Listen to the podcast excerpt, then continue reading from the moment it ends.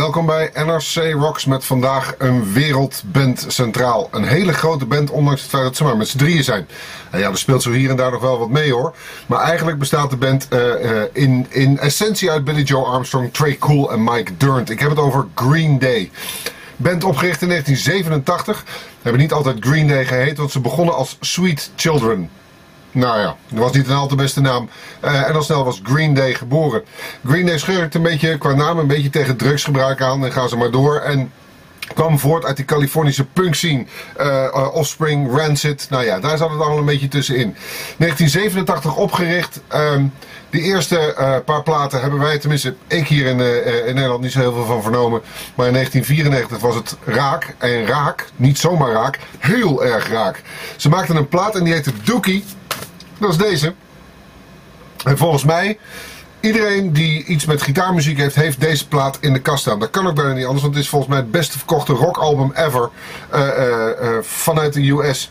Een enorme shitload hoeveelheid aan platen zijn er van deze, van deze doekie verkocht. En hoe kwam dat? Omdat er gewoon hele goede liedjes op stonden. Luister maar. Do you have the time to listen to me whine? Slim. About nothing and everything all one of those melodramatic fools.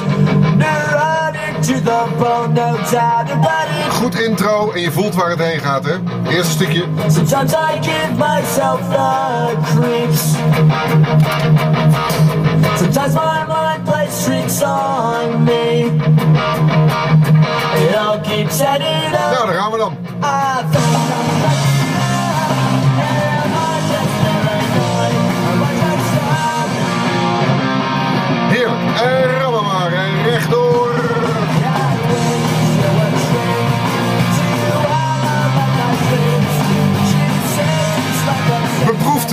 Vanuit California. Goede gitaren, goede melodielijn, dubbele zang en een lekkere drummer. Basket Case hoorde je van dat album Doekie, wat echt bij iedereen volgens mij in de kast staat. Ik moest wel even zoeken trouwens, maar hij stond er wel, hij stond er wel degelijk tussen. Um, um, ik zei daarvoor ook al platen gemaakt, een plaat die heette Kerplunk. Dat is geen zoiets betekent als, als je aan je snaren trekt en je doet kaplunk. Nou, zo klonk die plaat ook, uh, ook een beetje. Tenminste, hij heeft het niet uh, tot over de plas uh, gered. 1994 Dookie dus wel. Er stonden er nog een paar op hoor. Longview, Welcome to Paradise. Nou ja, je kunt ze eigenlijk allemaal wel, wel, wel opzetten, deze plaat. En dan wordt het 1995. Komt er een plaat die heet Insomniac.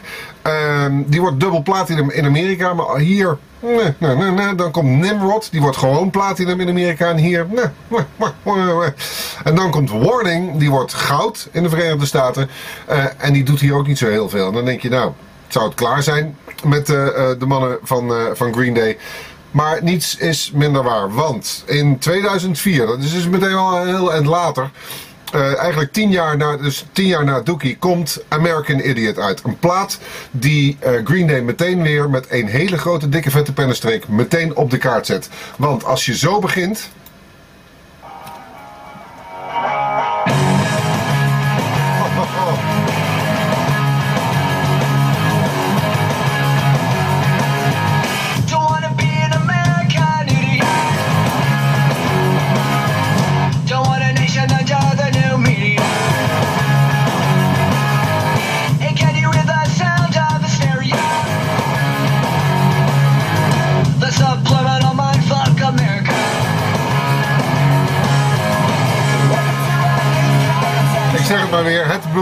Recept. Goed liedje, mooie dubbele zang, goede gitaarpartijen en een stevige drummer. En dat is Green Day. Meer is het ook eigenlijk niet. Hoewel die American Idiot wel een bijzondere plaat is hoor. Want het is een soort rock. Ja, punk-rock opera is het geworden. Het is, een, het is een conceptplaat. En het verhaalt over uh, een rebelse jongen die eigenlijk niet precies weet wat hij in het leven moet en hoe hij in het leven staat. Een soort rebel without a cause, zou ik maar zeggen. Een soort Jimmy Dean, maar dan uh, à la uh, Green Day. American Idiot. Plaat werd in Amerika als een idioot verkocht. Er was alleen één iemand niet heel erg blij mee. En dat was George W. Bush de, de toenmalige president. Want American Idiot is een plaat die politiek geëngageerd tekeer gaat. Zoals Billy Joe Armstrong dat wel vaker doet. Um, de regering was er dus, uh, de regering Bush was er niet, niet heel erg blij mee. Maar de fans van Green Day des te meer. Want het is een hele, hele goede plaat. Um, toen ze op tournee gingen met die American Idiot, hebben ze Bullet in a Bible gemaakt. Dat is een live DVD en CD. Met daarop alles wat je van Green Day wil hebben in een live versie. En daar hoor je dat Green Day niet alleen goede platen maakt. Die platen klinken extreem goed. Als je naar die Dookie luistert uit 94. Die sound is echt gewoon wop. Dat staat als een huis. Ehm, maar ook live staat deze band haar zijn mannetje. Zeker wel. Ehm, inmiddels zijn, eh, eh, zijn ze bezig met een filmscript voor American Idiot. Ehm, de vraag was aan Billy Joe Armstrong: wil je die dan zelf spelen, die jongen, die rebelse jongen, die rebel without a cause? Waarop hij zei: nee, laten we dat maar aan professionals overlaten. Ik schrijf eh, de muziek. En ik heb het verhaal bedacht. Maak er dan maar een mooi script van en een goede film. Dan vind ik het prachtig. Dus wie weet komt er binnenkort een American Idiot. Written by Billy Joe Armstrong uit. Je weet het maar nooit. Er wordt aan gewerkt in ieder geval. En dan ehm, eh, is het 2009 en er is daar een nieuwe plaat.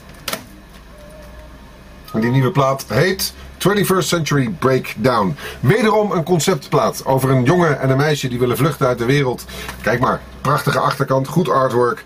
Ehm, en een plaat geproduceerd door een legendarische eh, producer, Butch Fake. Tegenwoordig drummer van de band Garbage. Ehm, maar legendarische producer van onder andere Nevermind van eh, eh, Nirvana. Ehm, deze plaat, ja, wat is het? Is het de beste plaat tot nu toe? Nee, dat is het zeker niet. Maar het is wel een goede Green Day plaat met weer een aantal knallende eh, eh, nummers erop. Eh, als je bijvoorbeeld Murder City beluistert, luister maar eens even mee.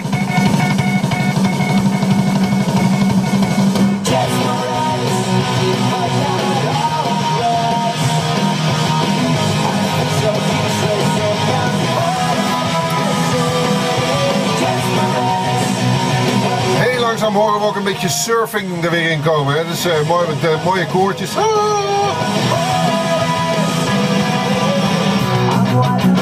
Dus Murder City is eh, een voorbeeld van goed, gewoon weer goed recht, eh, recht toe, recht aan rock'n'roll werk à Green Day. Maar ze kunnen ook beatelen op deze plaat, hoor. Last Night on Earth. Nou, als dit geen Beatles is, dan weet ik niet meer hoor. Moet je maar luisteren.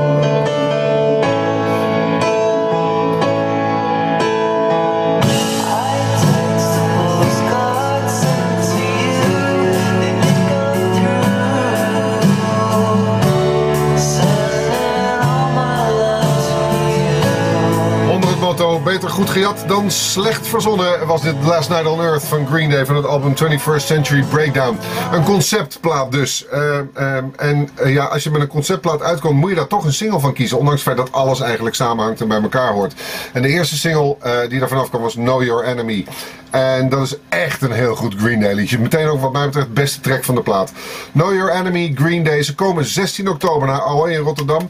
Ehm, en ik ben heel benieuwd. Het is toch wel mooi dat zo'n drietal, wat in 1994 bij ons opeens binnenkwam met Do you have the time to listen to me? Waar nu opeens een van de allergrootste rockbands, want dat is- ongemerkt wel zo gebeurd, een van de allergrootste rockbands is die er bestaat. En die gewoon grote hallen en grote stadions over de hele wereld volledig voltrekt.